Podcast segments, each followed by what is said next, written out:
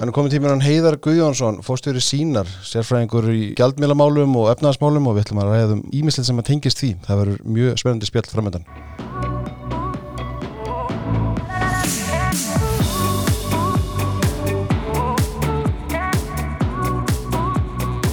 Heiðar, velkomin. Takk fyrir tíma. Takk, takk. Sko, það er hérna, ég ætla nú bara að vinda mig bara beint út í djúbröðina. Þegar, þegar við kynnumst fyrir 10-12 árum síðan, þó séum alltaf hérna ungir, að þá, þá sótti ég fyrirlistur þess að þú varst að tala um gjaldmílamál og upptöku annars gjaldmiðis og þú hefur talað fyrir því í mörg ár. Allt og lengi myndi ég segja.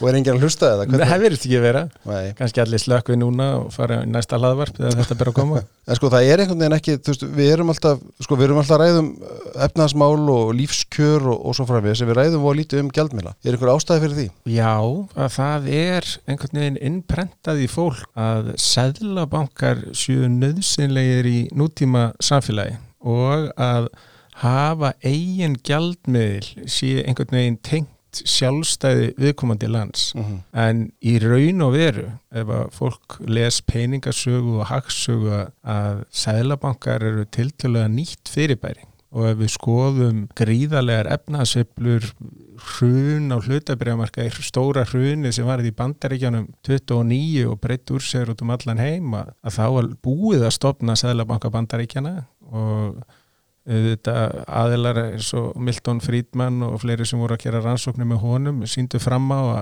að það brást algjörlega Sæðlabankin. Þegar við skoðum hrunið á Íslandi þá brást Sæðlabankin algjörlega. Ef að eh, við horfum svona Þetta er hrunni 2008. hrunið 2008, já. Eh, Að hvaða leiti brástan? Hann átti engan gjaldrisforða, hann uh, lefði böngunum að stækka, að byggja á örminn en veri í alþjóðlegum rekstri. Uh, hann gaf það út við greiningarfyrirtækin, þessi frægum útís og Standard og Poor's og fleiri að, að þarna uh, væru þeir og, og, og bankarnir væru bara í góðu lægi og annað þýjumlikt þannig að hann lefði svona gríðalegu ójafvægi að myndast á þess að nokkur innistæði að veri fyrir því.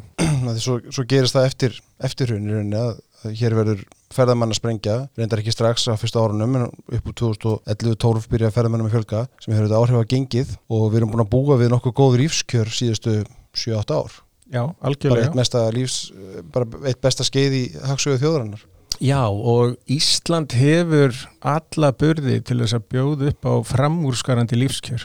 Uh, hins vegar þessar kollsteipur og íktu sveiflur sem við þurfum að búa við, þær þurfi ekki að vera til staðar með sama hætti og, og við höfum upplifað. Vegna þess að seðlabankar á ennskuru kallaðir central bank, uh, þetta er ekkit annað en miðstýringar tæki, þetta eru miðstýringar bankar ég trúi því að, að þeir sem hafi mestar upplýsingar um eigin hag það séu fyrirtækin og einstaklingarnir sjálfur, er ekki eitthvað miðlegt apparat. Og þegar seðlabankar eru að hækka og lækka vexti og viksl og, og að leifa gjaldmiðlum að hækka og lækka að það eina sem þeir eru að gera að þeir eru að færa fjármunni á milli atvinnugreina á, á milli aðila í hagkerfinu svona miðstýrt. Og reynslan sýnir okkur að miðstýring gengur ekki upp og þeir í raun og veru hafa magnað sveiflur frekar heldur en að draga úr þeim. En sko, ef við stöldum að þessi seglabanka vinkilinn sko, segjum umræðinu vegna að við tekum upp evru eða, eða kanadadólar eða bandarískan dólar þeir, þeim er líka styrta seglabankum Jú, jú, en þar ertu með göllu fyrirbæri sem er, hafa samt alþjóðlega viðurkenningu.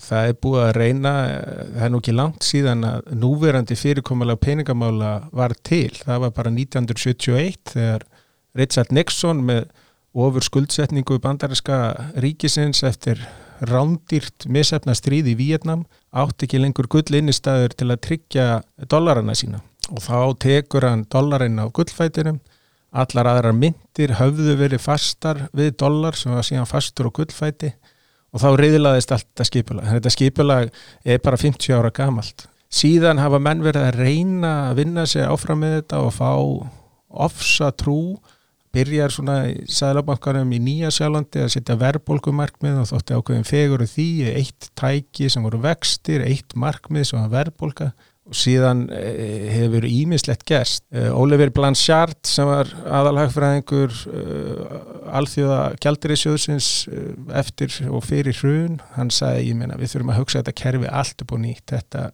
þetta virkar ekki. En við erum hér og, og ekkert hefur gæst og ég, hvort, ég var í hagfræði hérna 91, 2, 3, 4 þegar eh, Nýsjálfanski Sælabankin fór á stað með þetta nýstarlega verkefni sitt og tilraun. Heil meiri segja gerðu það þannig að Sælabankastjóri, hann var á launum hann fekk kaupauka eftir því hvað verðbólgan væri. Þannig að því minni verðbólga því hann er í laun og þetta áttu að vera ákveði kvatakerfi gallin við þetta kerfi er hins vegar þetta er bara miðstýringakerfi mm. og þeir sem eru bestir til að gera áætlanir fyrir sín fyrirtæki til að stjórna og taka ákvarðanir það eru þeir sem stýra fyrirtækjanum að er á gólfinu. Það er ekki einhverju miðstýringabanki en er sko hóruður í Íslands, ég meina er við erum bara farið gett bara mjög djúpa efnaðskreppu vegna COVID er þá hérna, er það einhvern veginn hefur krónan hjálpa okkur þar? Nei vegna þess að stjórnmálum tróða þannig. Jú, jú, þetta gerir það verkum að kerfið finnur einhvern svona tilgang fyrir sig. Þeir sé að við erum að bregðast við frekar heldur hann að hinnir sem eru á erfiðum stað fyrir að bregðast við þá segir við skulum hjálpa ykkur. Þetta býr til alls konar lobbyisma. Hérna koma fram hagsmunahópar eh, var nú oft talað um grátkórin í LIU þegar í raun og veru þeir voru stóðu höllum fæti með landvinnslu og, og, og, og svona útgerð á sínum tíma og fóru fram á gengisfellingar uh -huh. sem þá fluttu verðmæti frá innlendu hagkerfi til útflutnings kervisins og var ekkit annað en verðfelling á eignum uh, almennings. Það sem hins vegar sjáurðurinn gerði, bæði fyrir og eftir hrun, var að kasta krónunni. Stóru útgerðarfyrirtækin, stóru sjáurðsfyrirtækin á Íslandi er ekkit lengur gerð upp í krónu. Mhm. -huh. Landsvirkjun... Hvaða, má, hvaða máli skiptir það fyrir þau? Já, þá eru þau ekki lengur með krónu áhættu. -huh. Þau geta bara fjármagna sér alþjóðlega fyrsta ríkisfyrirtæki sem kastaði ríkisgjaldmeilinu var landsvirkjun 2007 þegar gerði þessu upp í dollar. Mm -hmm. Landsvirkjun hefði brotið alla sína lánasamninga í hruninu ef þeir hefði ekki grepið til þessa ráðs fyrir hrun. Þannig að þarna sjáum við bara útflutningsgreinar og hugmyndafræðin á byggjum miðstýringabanka er að það er að hagra eða það er að hjálpa útflutningsgreinum í bobbum með því að lækka með því að lækka gjaldmiðlin, með því að fella kingið en þarna er það bara búin að segja við erum betur sett í alþjóðlugu peningakerfi með okkar starfsemi heldur en í íslensku peningakerfi. Og þá spyrum við þessi fyrir hvern er þá þetta kerfi ef að útflutningurinn er ekki að byggja um þetta mm -hmm. og ég hef alltaf haldið því fram að þetta er bara fyrir stjórnlind fólk, þetta er bara fyrir embætismenn og, og stjórnmálamenn sem segja já nú erum við að gera eitthvað og við erum að breyðast við en þetta er alltaf á kostnað almennings Hvernig þá? Vegna þess að þetta býr til verbulgu, þetta rýrir eignir almennings, uh, þetta mingar aðganga fjármagni, þetta hækkar vexti vegna þess að það er meiri áhætta af krónunni heldur en alþjóðlegum gjaldmeilum. Þannig að þetta er bara á kostnað almennings og ég hef enga trú á miðstyringu og mér finnst þetta óréttlátt. En sko ég framhald að því þá, veist, þá hefur mikið verið rætt um svo kallega fastgengistefnu, það hefur verið talað um að, að, hérna, binda krónuna við, við efru til dæmis Við vorum alltaf með fastgengistefnu hérna til hvað 2001, eða maður rétt? Við vorum ekki með fastgengistefnu, við vorum með vikmörk, það sem er kallað dirty peg, það er ekki svona peg, uh, hins vegar fastgengistefna sem er ekki... Spurningi var eiginlega, er þetta trúverðu stefna sko? Aldrei, nema að þú sért í einhverjum sérstökum aðstæðum sem þú færð uh, liðsynni þess seglabanka sem þú bindur mynd þína við. Uh, hefur verið að tala um að, að binda krónuna við evru. Það er aldrei trúuröttum en aldrei gangu upp nema evróski seglavokkin standi með þér í þeirri bindingu vegna þess að hann hefur ótakmarkaðan aðgang að evrum en ef þú hefur ekki slíkan ótakmarkaðan aðganga þá ertu bara að stilla þér upp fyrir árós spákaupmanna sem ger ekkit annað en banka áhlaup á uh, innistæðunar að svo má segja það vilja allir skipta út þá krónunni fyrir evru á sama tíma og, mm -hmm. og þá er Sæðlabanki Íslands búin með evrusjóðin sinn og, og þá hreinur kerfið. Uh, þeir sem gera árásuna geta þá skipt út aftur og keift krónur og miklu mun lagra verði og innlist gríðarlegan hagna. En sko það er... Á kostna almennings. Já, já, það er, en þetta er og, og það er enga líkur því að Európski Sjálfbankin muni nokkuð tíma að gera þetta nema þú sért komin í, í RM2 og, leiðin í Európsandið Já, og það er svona söguleg skýring fyrir því hversina danska krónan hefur uh, þennan sér samning en þeir eru sannlega innan Európa-sambandsins en það er svona söguleg skýring hversina þeir eru ekki með efruna beint heldur þessa tengingu en, en það er önnur saga. En ef þú getur útskipt bara östuð sko, hvernig segjum bara sér svo að Íslendingar ákveða að taka upp aðra mynd eða, eða kasta krónun öll heldur? Um, er hægt að vera með bara hvaða mynd sem er? Já, og það er nefnilega málið að bara með því að reynlega leggja niður Sælabankan, Sælabankin kostar gríðarlega fjárhæðir að, og uh, hafa bara gjaldmiðla frelsi að þá getur fólk nota hvaða mynd sem það kýs, hins vegar þarf lögjafin að ákveða hvaði lög, lög eirir í hvaða mynd borgaru skatta á Íslandi. Og núna með fjártækni og með notkun svona eh, eins og ég myndi segja bara síma í dag, þú ert bara með einhverjar handtölfur sem framkvæmir eiginlega allar greiðslur í gegnum að inn í þetta er hægt að fá sér app frá Revolut og alls konar aðlum sem bjóð upp á samtíma millifæslur og milli allara mynda og svo lengi sem það er fjárhæð undir 600.000 krónum að þá kostar ekkert að færa á milli mynda þannig að uh, þessi tækni er á leiðinni og, og ég vil fyrir alla muni að Íslendingar fái að njóta þess sem er best hverju sinni og, og það í gjaldmjölamálum er alls ekki íslenska krónan. Hvaða, do- hvaða gjaldmeild verða það þá?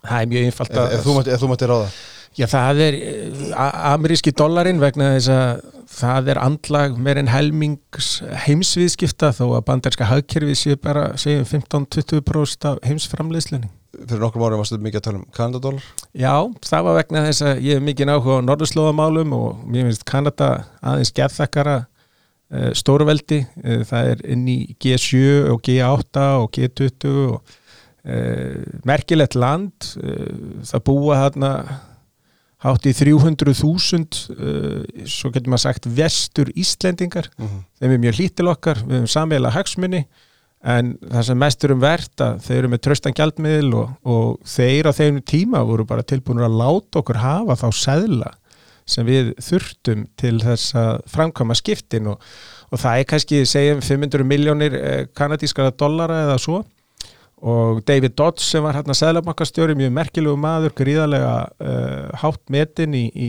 kanadísku samfélagi. Hann var mjög hrifin að þessari hugmynd og uh, þetta hefði alveg verið framkvæmalegt uh, kanadísku dollari síðan umskiptanlegur yfir í dollar eða pund eða jen eða evru eða hvað svo sem fólk vil nota hvina sem er og hvar sem er. Mhm. og það er algjörlega fyrirsjáanlegt á hvaða verði og, og, og þetta myndi bæta okkar lífskjör heil mikið En sko að þegar við tölum um hagsaldarskeið hérna síðustu 7-8 árin og, og, og um það verður ekki deilt, meina, það búið að vera mikil hagsald en er hún einhvern veginn byggð á sandi, meina myndur þú halda því fram eða? Nei, ég myndi segja að hún var bara byggð á elju og þrótti almennings. Og þar má segja að við tókum á okkur gríðalegt harðræði í kringum gjaldirisöft við byggum til ótrúlega myndalegan viðskipta afgang þar sem við gátum sapnað og sapnað gjaldiri hins vegar að þannig að Sælabankin tók eiginlega allan gjaldirinn til sín. Eh, það leit út fyrir á tíma hérna 2012-13 að það ætti að semja um iSave og svo að bara gera upp við kröfuhafa eh, að fullu. Og þá hefðu íslenskur almenningur mætt afgangi, ég var mjög mikið að reyna að skrifa og tala á móti því og keifti kröfur á föllnubankana og fór með þá í hérastóm til að reyna að fá bankana að setja endalega í þrótt þannig að alla þeirra skuldir myndi bre- umbreytast í krónur. Þannig að þetta var mikið hagsmur á málinn sem betur fyrir ríkistjórn Sigmundar Davís og Bjarnar Benediktssonar að, að það var skorið á uh, þetta hugsalega eða þetta úthugsaða uppgjör við uh, kröfuhafana og farið það að gæta íslenskara hagsmuna. Og vegna þess að þeir höfðu gjaldrútaleðina hangandi yfir sér þessir erlendu kröfuhafar að þá fóru þeir að samningaborðinu og, og uh, þá var hægt að, að skipta þessum gjaldirisforða þannig að þeir tækja hann ekki allan til sín en uh, það sem skóp þessa velmögun sem við búum við er bara þróttur atvinnulífs og almennings eftir hrun. Menn tók á sig mikla byrðar, unnum mjög mikið og við erum enna uppsker eftir það.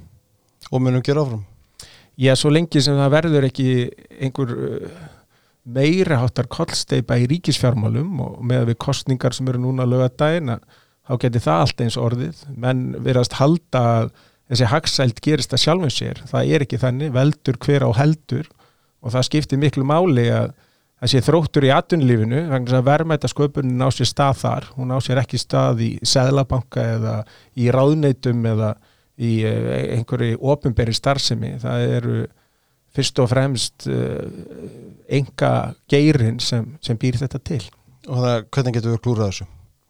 með því að hækka skatta, auka álugur, reka ríkið með miklum halla um leið og við gerum það og eðum um efni fram að þá erum við bæði óréttlátt hvert komandi kynnslöfum, við erum að kasta skuldum á, á þær en ekki síst gerir það það að verkum að, að verðbólka ykst, það þarf að hækka vexti og aðgangur af fjármagni mingar snarlega og þá er ekki lengur að þetta gera áallinni til langstíma, það er ekki að fjárfesta til langstíma og svona almenn óvisa bara ykst og það er svo sannlega ekki ákjömsanlegt ástand. En hefur þetta, sko að því að maður veldur átt fyrir sér ef við hórum bara til Reykjavíkaborgar ég meina skuldir Reykjavíkaborgar eru gífurlegar en borgarbúar finn ekkert fyrir þú finnir ekkert fyrir skuldum hins ofinbæra í heimilisbókaldinu strax. Þannig að það er hægtur en að já, já, við, við, búum við, við búum við einstakar stöðu. Stýrivextir á Íslandi er í algjöru sögulegu lámarki og ef þú skuldar svona háa fjárhæðir og þetta er meir og minna á breytilegum vöxtum og vextir fara síðan hækkandi að þá geta hæglega afborganir og vextir, sem sagt vextir sem þú þarfst að greiða reglulega það bara markfaldast mm -hmm. þannig að það er náttúrulega stór hættulegt og miða við þetta einstaka hagstaða vakstak umhverfi að þá ættu aðilar að hafa sér mjög hægt uh, og auðvitað ættu þeirra að sína góðan afgang á sínum rekstri vegna þess að við sjáum bara hvað vakstum umhverfi vinnum með. Sko, ég ætla að vinda mér annað, þú talar um, nefndir þetta norðurslóðuráðan, þú hefur nú fjallað mikið um, um tækifæra norðurslóðum og skrifað um það bók hér fyrir nokkrum árum. Eru við það er kannski annar mál sem er ekkert mikið verið að reyða nema svona, ég vil segja á tittitugum, þú veist, það er jújú, jú, það er, það er vissulega samstarf í gangi í utrækisrandinu og fleiri stöðum, en eru tækifærarna sem við verum að ekki að sinna eða ég er að missa af eða? Já, þetta er svolítið spurningum heimsmynd. Og heimsmyndin, ég volst upp í Svíþjóð og, og það er nú ansi kallt á veturna, mik miklu meiri snjór heldur en meiri segja nýrstu byggðum hér á landi mun kaldar uh, samt eru svíjar að gangum í lagskóm eins og þeir búi í Róm. Klæða sig einhvern veginn þannig og horfa alltaf söður þetta er einhver svona tíska að horfa alltaf til miða Evrópu hins vegar stendur okkar þangagangur okkar menning miklu nær þeim sem búa á söpöðum slóðum og við. Og þessi frasi sem við höfum á Íslandi sem margir að agnúast úti í þetta rettast þetta er til í, á innútamáli, þetta er til á samísku í norðu Nóri þá segir þetta Ornasæ mm. og það segir það líka í Svíþjóði, norðu Svíþjóði, norðu Finnlandi. Og þeir sem búa sunnar eru svona þetta er voðalega þetta eitthvað lítið merkilugu frasi en þegar maður býr við svona aðstæðir þar sem þú getur fengið eldgós, þú getur fengið alls konar veður það þýðir ekki að taka sjálfa sig of hátíðlega. Og auðvitað hvað var það fjármálamarkaði við þurfum að gera áallinni til langstíma en þess á milli þá þurfum við að geta tekist á við alls konar óvæntar uppákonumur og ég held að Íslandikar sé mjög góð eh, bara þessi þjóð sem við búum í við erum mjög fær í því.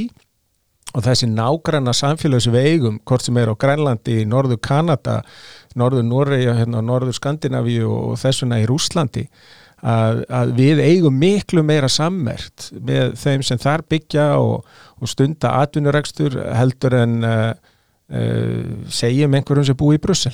En hvað sko, hvað eigum við að vera að gera? Hvað, hvernig eigum við að tengja okkur betur við þessa Við höfum gagkvæma hagsmunni, það er núna mjög alvarlegt áttak í gangi sem Ocean Conservancy er með sem er að reyna að stoppa siglingar um norður Ísafið sem sagt bara í kringu norðurslóður þá eigi ekki að vera siglingar. Eh, -huh. það er núna í gangi mjög alvarlegt svona samstarf í kringu það að bankar að skrási fyrir því að orgu framkvæmdir sem eru innan norðurslóða, þeir takk ekki þátt í að fjármagna þær. Uh mhm. -huh. Þetta byggir á þeirri ranghugmynd að það búingin á norðurslóðum og þetta sé halgjöru þjóðgarður sem eigi að vera ósnortin. Það eru fjóra miljónir manna sem hafa búið, búið þarna um mörg þúsund ára skeið auðvita á þetta fólk og við með talið við eigum alveg skilið að blómstra eins og önnursvæði og það sem er kannski minnst þekkt er að sagan sínir að það er enginn sem hefur gengið með meira ábyrgum hætti um náttúruauðlindir eða náttúruna heldur en nefnir þessi samfélag. Saga óljuleitar og vinslu á norðurslóðum er yfir 120 ára gömul. Uh -huh. Saga námu, vinslu, ennlengri, saga eh, landbúnaðar, fiskveðar, eh, alls konar fiskiræktar eh, er með því lengsta sem finnst í heiminum. En þarna er umhverfisborið minnst Þannig að mér finnst það bara algjörlega ólógist að segja við skulum halda áfram uppbyggingu á svæðum sem hafa ömulega sög að segja en við skulum loka fyrir þetta svæði sem hefur sínda, sínt svona ábyrgustu stjórnina um, um hundruða ára skeið. Og þetta er oljuleit þar undir? Oljuleit er þar og, og það hefur á sér einhverja svona uh, slæma áru eða, eða vondan stimpil. Fólk verist ekki skilja það að allir fluttningar heimsinn sem er undistæða viðskitta sem aftur er undistæða velmöðunar eru meir og minna kerðir áfram af olí og gasi. Og það er ekki sjónmáli að það breytist á næstu áratugum. Hins vegar eru aðri sem eru það skynis grótnir þessi ef við skulum bæði banna olju og banna námuvinnslu ef við ætlum að rafa það þá þurfum við sannlega miklu meiri námuvinnslu. Uh mhm. -huh Eh, Norðmenn núna er að þróa námuvinnslu á hafi úti sem sagt undir sjáarbotninu og sömu aðlar og vilja banna núna olju, leit og vinslu á Norðurslóðin vilja líka láta banna eh, námuvinnslu á, á, á Norðurslóðin ég meina það er ekki heil brú í þessu, það er ekkit samhengi í þessu. Mm -hmm. ætla menn bara að fremja efnaðslegt harakýri bara að ganni sínu Já, þetta er leiði nafni umhverjusöndar Jú, en þetta er náttúrulega liðið til þess að það er bara gengið harðar og auðlendir annar staðar sem eru miklu óhagkvæmari, miklu skítugri og skilja eftir sig miklu alvarlegri spóri í umhverfinu. Uh mhm. -huh. En er sko námumhungslu eins og í Nóri undir sjáumri, hvað er það að vera, er að segjast eftir þar? Já, það er þessi efni sem okkur vantar í ótrúlustu hluti. Það er ekki bara þessi sjálfgæfu jarðmálmar uh, sem eru 17 talsins sem er stóra námur af á Grænlandi og líka væntalega fyrir utan Noreg. Ég menn það er alls konar efni, allt sem snýra ramagni það er mjög mikið að kopar. Uh -huh. uh, alls konar steinefni sem bara hreinlega vantar í, uh, í uh, svona nútíma væðingu samfélagsins. Og ég er alveg á því að, að leikillina framtíðin er að gera meira fyrir minna. En sumir verðast halda að þú þurfur alltaf að gera minna fyrir minna. Það sé ekki hægt þeir trú ekki að tækni framfærir þeir trúa því ekki að þessi römbulega hægt að gera meira fyrir minna. Þeir halda, til þess að gera meira þurfur alltaf að gera meira fyrir meira. Mm. en það er virkilega hægt að gera meira fyrir minna.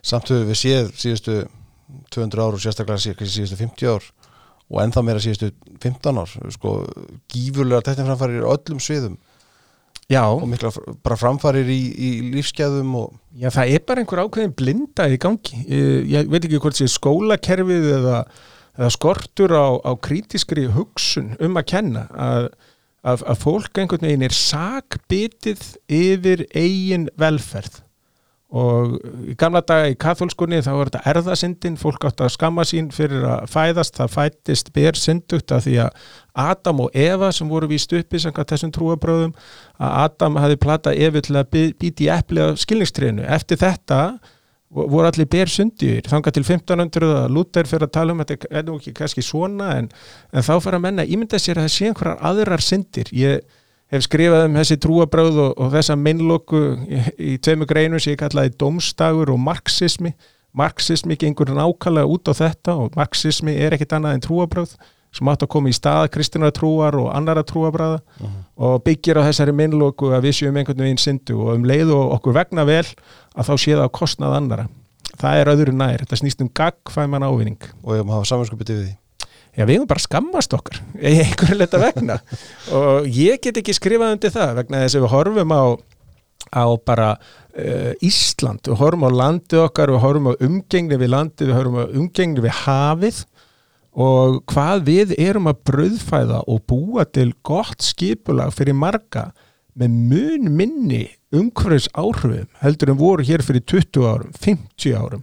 Og svo er þetta lengi að telja En getur verið að, ég bara, ég er að hugsta bara núna sko, ég meina, getur verið að, ég ætla ekki að segja of mikil hagsald, en, en ákveði stig hagsaldar skapi svona hugsunar. Þegar þú getur setið bara heima hjá þér, unnið heima, lært heima, þú átt, það er auðvelt að kaupa síma og tölvu, þið, þið skortið þannig sé ekkert í lífinu, getur verið að þetta skapi bara aðstæðar þar sem hugsa bara, herðu, nei, svo þarf ég að vera góður líka sko, einhvern veginn. Já, Warren Buffett sagði að vera að fara? velferðarkerfið. Ég, já, ég held það. Hann eh, var að gaggrina velferðarkerfið og sagði þið ríka fólki þið segið að velferðin gerir fólk á aumingjum síðan erfleikiði arfleiði ykkar börn að öllum ykkar auðum. Þegar fólk er eh, ekki lengur að hafa eitthvað fyrir hlutunum það þarf ekki að sjá samingi hlutana. Uh, lífið er erfitt í eðli sínu. Uh, fólk þarf að sigrast á alls konar áskorunum það er ymmit þegar maður sigrast á áskorunum þá líður manni best.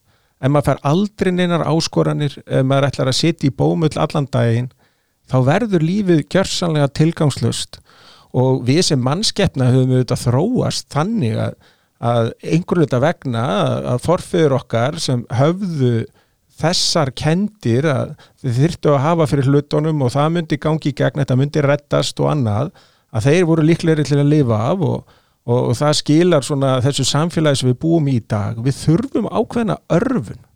Ég er ekki að segja við þurfum eh, einhverja erfileika, við þurfum áskoranir og uh, ég tel að, að núna er verið að hlýfa fólki allt og mikið, allt og lengi uh, Jonathan Haidt, professor í salfræði í New York skrifar mjög góða bók hérna, The Coddling of the American Mind uh, það er stýttir útgáfa, þetta var fyrst bladagreini í The Atlantic, hvað er þetta að lesa hann á netinu. Bara um hvað er að í bandarísku skólakerfi? Hvers vegna eru að koma fram með kynnslóðir sem, sem þól ekki einu sinni opna umræð að þá bara slökku á tjáningafrelsinu vegna þess að einhverjum líður hugsanlega illa yfir einhverju sem einhver sagði, ekki endilega bara í dag. Meiri segja e- einhverju sem einhver sagði fyrir 200 ára þannig að við skulum fara að rítskúða söguna og annað þjóðlíkt, þetta er náttúrulega tóm þvæla og eitt af merkilegasta sem samfélagið á í dag er þessi gamla viðtekna skoðun að tjáningafrelsið sé heilagt. Á sama hátt hefur okkur vegna vel í gegnum tíðina vegna þess að eignarétturinn á að vera heilagur. Ef þú gengur í gegnum áskoranir ef þér tekst vel upp við að sigrast á áskoranum þá átt að fara að njóta þess sem fylgir í kjölfarið Hvaða afleggingar hefur þetta? Þegar allir er konur í bómul. Já, við getum séð í Oslo eh, ótrúlegt en satt að þá var það orðin heroin höfuborg uh, Evrópu Ok, ég vissi það ekki. uh, uh, það er alls konar fylgikvillar sem fylgja almennri velsæld og auðvitað þegar samfélag þróast rætt uh, því ég ólst upp í Svíþjóð uh, 70-80 þá voru allir brandara sem ég læriði síðan eftir ég flutt til Íslands sem héttu Hafnafjara brandarar var, þeir voru norðmenn og norðmenn þáttu mjög kjánalegir og, og, og svo finna þeir olju, komast í gríðalegar álnir og það verður til eitthvað svona tilgangsleysi því miður. Og þetta er það sem Jordan Peterson og fleiri hafa verið að fjalla um. Hvar, hvar er stoltið? Hvar er, er svona tilgangurinn? Að- hvernig getur þetta fólk gert gagn og fundist að vera að gera gagn? Og, og þetta er bara áskorun. Mm En það er einhvern veginn orðið þá kannski meiri digði því að hafa skoðanir heldur en að gera eitthvað. ég er sammálaðir og X-kynsluðin sem var skrifað um hérna á sínum tíma þar sem menn lit út eins og popstjörnur en gáðu hvorki sungin, ég spilaði á hljóðfæri lifði eins og popstjörnur meiri segja það var einhver svona ákveðin veila uh, núna í dag þá heldur fólk að ef það hefur skoðanir að, að þá fáið það ímiskonar réttindi. Já það getur alveg verið en það gleymið í alveg að þá hafa skildur líka. Öllum réttindum hljóta fylgja skildur og skildan í samfélaginu í dag eru þetta að gera sitt besta. Það er ekki bara að heimta og heimta og ég á réttind og þessu og hinnu menn verða að leggja sér fram á móti ef þeir eiga að halda þessum réttindum.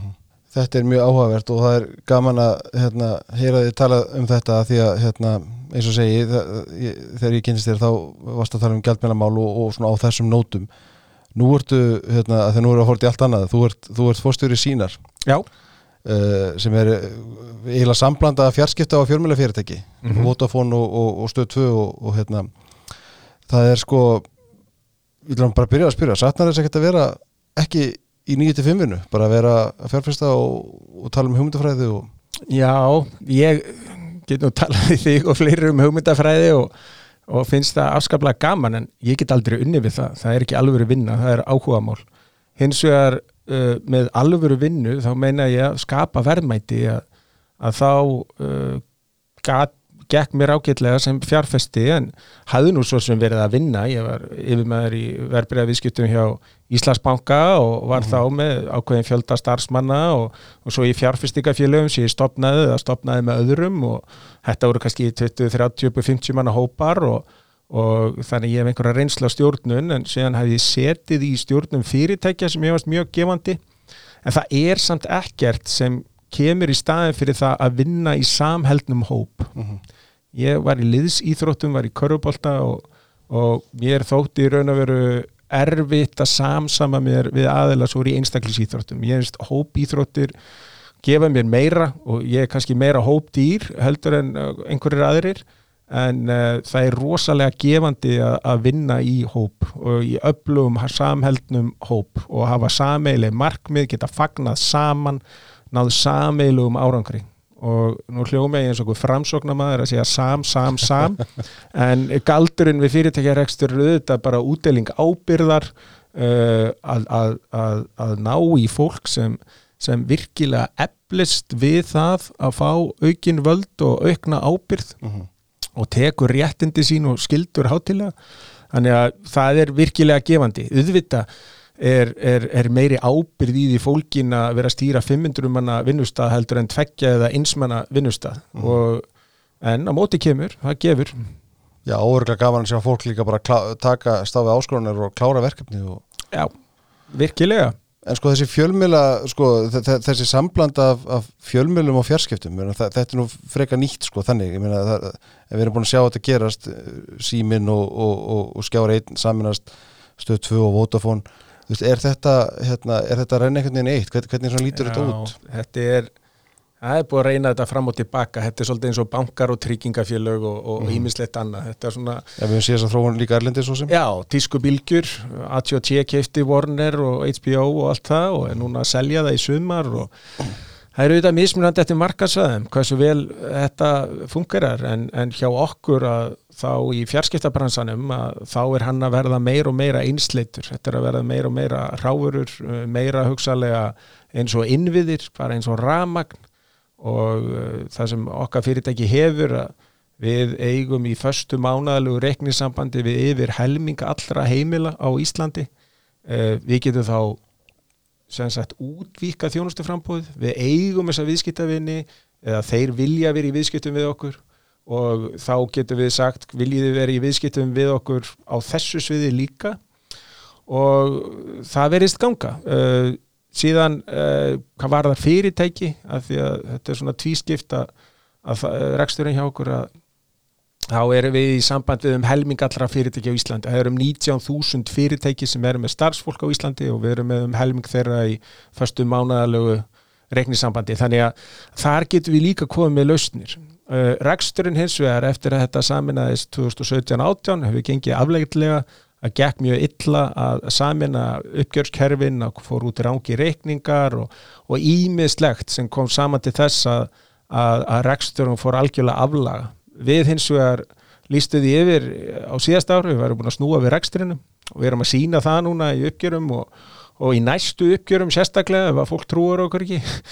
En uh, síðan stóð líka til vegna þess að við keiftum að, fyrir, að miklu leiti fyrir lánsfjö uh, þessa miðlaegnir að við erum að snúa við efnahagsreikningunum núna líka, við erum að selja út steip og stál sem sagt uh, fasteignir sem tengjast farsímakerfin okkar og uh, það umbreytir algjörlega efnarsreikningum. Þannig að ég er mjög stoltur af því að hafa tekið þátt í þessum viðsnúningi með þessu góða fólki vegna þess að grunnurinn að fyrirtekinu eins og það er í dag er samkeppni við ríkið. Það er Bilgjan 86, uh, stöð 2 86, sem var sitt hvort fyrirtæki þá, berjast við ríkisútvarpið og einokun Eh, það er TAL 97 sem, eða 96 sem var að berjast við síman. Það er Ísla, í farsíma svo Íslandsími sem kemur í fastlínu, svona landlínu og, og ljósleðara að berjast líka við uh, landsíman. Uh, þannig að í, ef maður má sletta í DNA-unu okkar, í erðaminginu er mjög ríkt hjá starfsfólki að vilja uh, hvað getur maður sagt ógna stöðnun eða berjast á móti stöðnun og sérstaklega berjast á móti ríkiseinokkunum. En sko þetta er, hérna, en hún er ekkert að fara neitt. Því miður og ef við skoðum ríkiseinokun og faræs á millilanda tengingum um, um ljósleðara, mm. er alveg ótrúlegt að þessi ekki búið að hleypa engaðalum þar að. Við varum nú þegar búin að leggja streng uh, fyrir mörgum árum, sjú árum ef að, ef að, ef að ríkið hefur verið til í að leifa okkur það en uh, síðan hvað var þar uh, ríkisútarpið þá er náttúrulega fjölmiðlun að breyta svo mikið uh -huh. að er ekki ríkisútarpið bara búið að gera sitt gagn uh, nú eru komnir aðrir aðilar sem geta gert þetta og yðvita skiptir gríðarlega miklu máli að við eigum okkar íslensku miðla og nú tala ég kannski svolítið eins og framsögnamaður en en, en sko íslensk menning, íslensk tunga er, er gríðarlega mikilvæg Já, ég held líka að flestir vilji halda í það sko, sama hvað stjórnmálaskoðanir hafa Já, bara... en, en, en það er líka svolítið, við höfum verið að tala um samfélagsábyrg fyrirtækja. Mm. uh, ég menna, mér er svona skilda hjá íslenskum auglýsendum að auglýsa þá hjá þessum íslensku miðlum sem hafa eitthvað menningarlegt hlutverk. Mm uh, þá ekki endilega vera að setja svolítið í sig lög en bara fyrirtækin er að finna það hjá sér að þetta á að vera fyrsti kostur Þið eru náttúrulega að keppa við ríkið bæði í auðlýsingum og í aftreyingu og fréttaefni Já, bara á öllum stöðum mhm. -huh. og ég held að ég, minnst ég er það, ég er það brattu núna ég er bara að segja það er alveg að reyka enga fjölmiðil með afgangi eh, -huh. það þarf ekki ríkistyrki þó að ríkisútarpið fái 5 miljardar í forgjöf á hverju ári og þeim er leift óhindrað að vera á auðlýsingamarkaði þá finnst mér það ósangjant ég ætla samt ekki að vera öskra og torkum út af því ég ætla bara að standa mér í sangjandunni en, en ímynda mér að, að, stjórnmálamenn sjáu hvað þetta er ósangjant og, og breyta einhverju um þetta í framtíðinni. Maður har samt ekki vona á því að gerist í nánustu framtíð. Það var mjög merkileg skísla sem kom út fyrir 25 árum síðan. Uh, Gunnlaugur Sævar sem var formaður útvarsráðs um tíma að það var búin til svona framtíða nefndum um ríkisútvarpið sem var þá með sagt, út á skjald það var ákveð að breyta þessi í nefnskatt þá var sagt að, þeim, að það ætti á sama tíma að taka ríkisútvarpið af auðlísikamarkaði, þetta eru 25 ár síðan. Uh mhm. -huh. síðan í skýslum var sagt hvað myndi gerast ef að ríkisútvarpið er þið ennþá á auðlísikamarkaði, það hefur allt gest þannig að kannski líða önnur 25 ár þannig að eitthvað gerist en ég er nú að vona að tæknibreitingar og annað flíti þessari þróun. Já, það er kannski það sem ég ætla að koma á sönni á í lokin, sko, tæknibreitingarnar eru náttúrulega rosalegar og hafa orð, verið rosalega mikil, mikla bara á síðan tíu árum og við horfum á afturreyingu bara í símanum og, og hérna þú veist þannig að þetta, þetta, er, alltaf, þetta er ekki bara þetta rínulega sjónvar sem við vorum öll vön, sko. Já, og þar hefur mentamálar á þeirra ekki staðið sig vegna þess að við höfum hjá stöð 2 fengið sérstaklega velun uh, íslensku velun fyrir að talsitja allt okkar batnaefni, að talsitja bíómynd, það sem eru sönglög og semja texta, fá söngvara hljóðfæra leikara, þetta er gríðarlega dýrt þetta höfum við gert allt saman.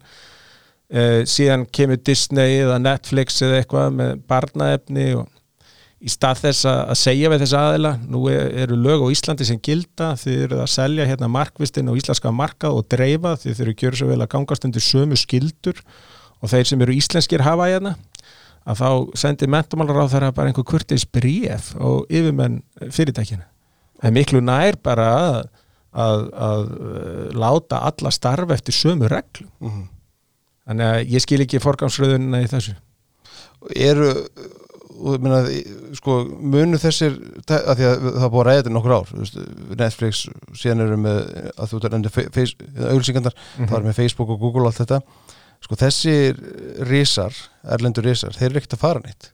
Nei, nei, nei, nei, en sem betur fyrir og þeir bara segja ekki í ef eitthvað er og, þeir, og svo munum þeim bara fjölga líka, það er bara komið fleiri. Já, það er áhugaðu bókan af The Ugly Truth sem bladamenn á New York Times voru að gefa út um uh, Facebook síðustu vettur og hvernig það kom til að Trump var rittskoðaður nú er ég ekki að segja að það hef ekki verið rétt en fyrir þann tíma það, þetta er svolítið, þeir, gríman fjall hjá samfélagsmiðlum við þetta vegna þess að fyrir þann tíma hafðu þeir sagt þetta er bara opið það er enginn sem ræður yfir þessu við getum ekki ákveðið hvaða höfundarétta varið efni síðarna og heimtað rukkun frá hverjum og einum.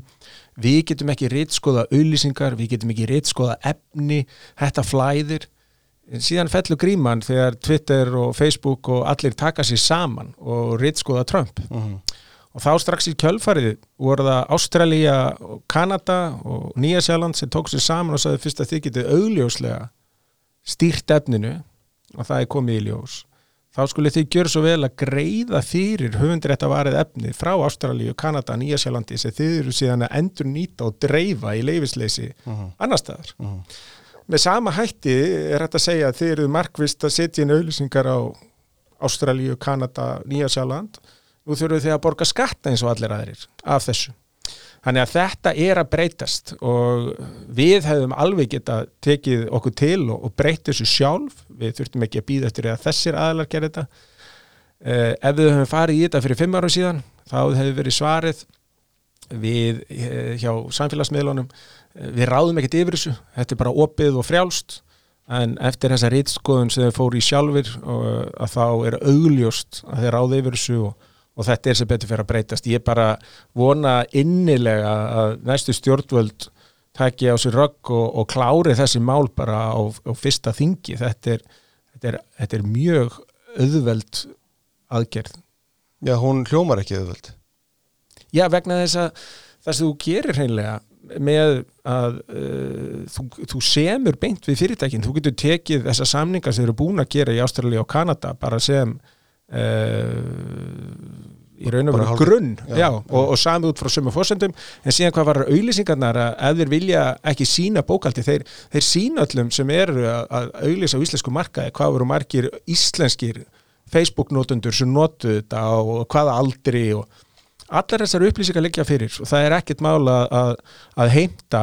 Ef að þeir ætla að starfa hér þá þurfa að starfa út frá sömu skattalögum og sömu lögum almennt og aðrir.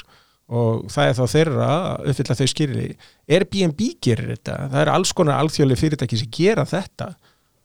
Það er ekkert sem segir að samfélagsmiðlarnir mjög ekki gera það saman En kannski lókin, ég ætla nú ekki að byggja um að sjá mikið fyrir, fyrir þér inn í framtíðina en, en hvernig munir þetta þróa sko bæði, hvað var það þú veist, afþreyingaefni fréttaefni, auglýsingar þú veist, hvað vitu við að muni gerast á næstu Já, sem að þykist sjá er að e, í raun að veru íslenskar efnisveitur verða til sem er ekkit sérstaklega ég með getur hort á grunninn á stöð 2 hérna 1986, það kannski kom til vegna þess að ríkisútvarpið var að sína endalus að einhverju finsku efni mm. sem var ekkit endalega það sem fólk vildi sjá, við veitum að Dallasarnin og milli og eitthvað og, en þegar stöð 2 byrjaði þá var gríðalegt úrval af amrísku efni sem hafði ekki ratað fyrir augu íslenskara áhórunda áður nú er þetta ameríska efni, allt besta efni það er löngu frátíkið af stæstu alþjóðlu efnisvitunum, það er hálfgerð trakval sem að lendir í ef maður ætlar að finna eitthvað ótekið efni. Það er bara það sem enginn hefur áhuga á. Þannig að hvað stendur þó eftir? Það er íslenskt efni og íslenskt gæðaefni. Og á stöð 2 núna þá teljum við að með að við fjölda bæði þátta og mínútur þá eru við að framlega meira af íslensku efni heldur en ríkisútvarpið. Uh -huh og það er okkar samkemnisgrunnur hvað var það íþróttir, íslenskar íþróttir. Við getum ekki alveg keft við erlenda efnisveiturnar um eh, sjómasrétta á, á ennsku úrvalstildinni öllum þessum stæstu viðbörðum fólk getur nálgast það með öðrum hætti en, en að gera íslenskum íþróttum háttundur höfði, það er sannlega framtíði því. Uh, síðan hvað var þar uh, vefmiðlana að þá munu þeir smá saman fær allt alltaf meira og meira á bakvið greiðslugátt. Það er þróun sem hefur átt sér stað út um allan heim og, og núna á Norðurlöndum þú skoðar enga fréttastíðu þar á þess að fara fyrst í gegnum greiðslugátt mhm. -huh. og það er bara eðlilegt. Uh, og fólk er til að borga fyrir fréttarflutning? Já, það, þú skoðar til að mynda eins og New York Times sem var í algjör í tilvestagreppu hérna 2012, 13, 14 uh, fór í sérstaklega vegferð sem var byrjað á 2015 og núna hafa tekið blaðsins aldrei verið meiri. Auðvitað eru þeir einstakir miða við stöðu en uh, Wall Street Journal uh, gerði svipað uh, vegnar mjög vel. Ég held að, að, að íslenski miðlar sem standa sér vel á þessu sviði við getum skoðað eins og Vísi og MBL sem eru langstæstu vefmiðlarnir og í einstakri stöðu út í heimi þá er einhver einstaka vefmiðl kannski með 3-5% þessir miðlar eru með yfir 30% hvor, hátt í 40% hvor. Uh, og vísir stæstur uh, auðvitað er hægt að setja greiðslugátt á að minnskost eitthvað sérvalið efni. En þegar fram í sækir er jafnvel betra fyrir viðskiptavinnina að sé greiðslugátt vegna þess að þá ertu auðkendur og þá kemur það efni sem þú hefur sínt mestan áhuga þér fyrst fyrir sjónir. Eh, það er auðlýsingar sem byrtast þér auðlýsingar sem þú áttu væntalega eða hefur væntalega mestan áhuga á. Mhm. þannig að þetta verður meira klæðskerasniðið og, og ætti að vera báðandi gags þá þarfst þetta að vera með trúverðu að fréttastofu, hvort sem þú ert MPL eða vísir eða alltaf og alveg eins og með innlend efni þú þarft að gera þetta fagmennsku og gera þetta vel mm. uh, viðskiptavinnurinn er mjög fljótur að fara ef þú uh, einhvern veginn gefur afslátt af, af gæðunum Mhm. En finnið þið mi- mikinn áhuga á þú veist, og þið sjáu það vantarlega í tölum hjá okkur þegar fólk er að horfa á innlenda þætti hvort sem það er einhver afþreying eða fréttaþáttur eða hvað sem það er Já, og það er hægt að alveg reikna það upp sko, með að kostnaður per mínútu og svo áhorf að það sem að fær minnst fyrir uh, peningin uh, sem uh, sjónvars rekandi að það er uh, bandaristefni uh, íslenskt efni er að minnstakostun fjórisunum, hún fær fjórisunum meira áhorf fyrir hverja krónu á íslenskt efni heldur en bandaristefni mm -hmm. þannig að það er miklu betri kaup í því pluss að, að þá eru þetta styðja við íslenska menningu eins og ég kom inn á áðan og íslenska tungu og, og þetta er efni sem er líklega að endast. Það er oft talað í svona alþjóðlu fjölmeila máli um evergreen efni, það er efni sem er alltaf kallað upp aftur og aftur og aftur og það er, fólk hefur ákveðnar hefðir fyrir að horfa ákveðnar myndur um jól eða, eða á 17. júni eða þjóðatíðadegi, þá er eitthvað sérstætt og ég get bara nefnt þjóðatíðar uh, hérna, umfjallanir FM 95 blö. Að það er evergreen efni, það er efni sem bara lifir, þannig að auðvitað skiptir máli að vera með íslenskt efni sem lifir lengi. Og, og þetta hljómar auðvitað mjög einfalt og er það en útfæslan er aðeins floknari og það er okkar að finna út úr henni. Sjáu þið einhvern kynsluðamun er, er, er, er eldra fólk að sækjast í efni eða, eða horfður það bara á rúf eða hvernig Nei, er, nei, er nei, bara nei, unga, nei. fólki með símana sem notar þetta mest eða hvernig Já, en svo er líka ég meina ástæðan fyrir því að Netflix verður svona stórt, það er ekki út af þeir höfðu besta efnið, þeir voru bestir í að afhenda efnið. Mhm. afhenda efnið í bortölfu, afhenda efnið í sjónvarp, afhenda efnið í farsíma og það skiptir rosalega miklu máli að afhending efnisins sé sem best. Þegar Disney stóð frammi fyrir þessu samkeppni við Netflix, þeir reyndi ekki eins og þróa sinni eigin afhendingamáta, þeir keiftu bara hugbúnaða fyrirtæki fyrir marga miljardar dollara bara til að koma sér þarna fram. Þegar verið að bera saman íslenskar efnisveitur og þann þróunarkostnað sem við höfum verið að henda í okkar verkefni og okkar viðmót þá auðvitað verður það aldrei jafn gott og það sem gerist best í heiminum eins og Netflix. Og Netflix er miklu betra viðmót heldur en nokkuð annað sem er á markaðanum en við getum alltaf reynd að nálgast. En eins og þú segir upp á það að ná til sem flestra það er viðmóti sem ræði því. Er ekki stöð 2 marathon uh, til rauninni það átt Stö, stöð 2 plus, já, Plus já. ekki, já. Jú, jú, og það er app og, og það er búið að vera í gangi mjög lengi.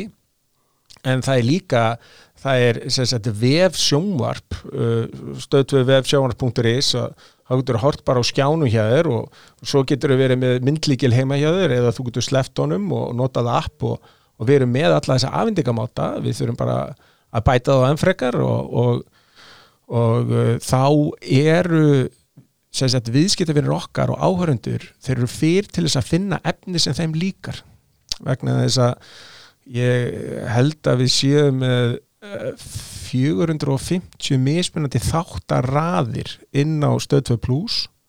Hvernig ætlað þú að finna þá þáttaröð sem þú rummulega hefur áhuga á? Mhm. Eh, það þarf og þá er þessi algoritmar sem Netflix hefur að nota þú prófaðu að horfa á þetta næst þetta geti passað með við það sem að þú horfður eitthvað annað. Akkurat og, og þetta er svona afhendingamáti ekki síður heldur en tæknin að, að, að finna efni sem fólk geti haft áhuga á Heiðar Guðjónsson, það er búið að vera frábært að fá því í þáttinn og hérna, við hefðum nú örgulega getið setið lengur og rættum fjölmila og, gjaldmila og norðurslóður en, en hérna, við látum þetta dögi í bíli Takk fyrir komuna og takk. bæði aftur. Takk hjá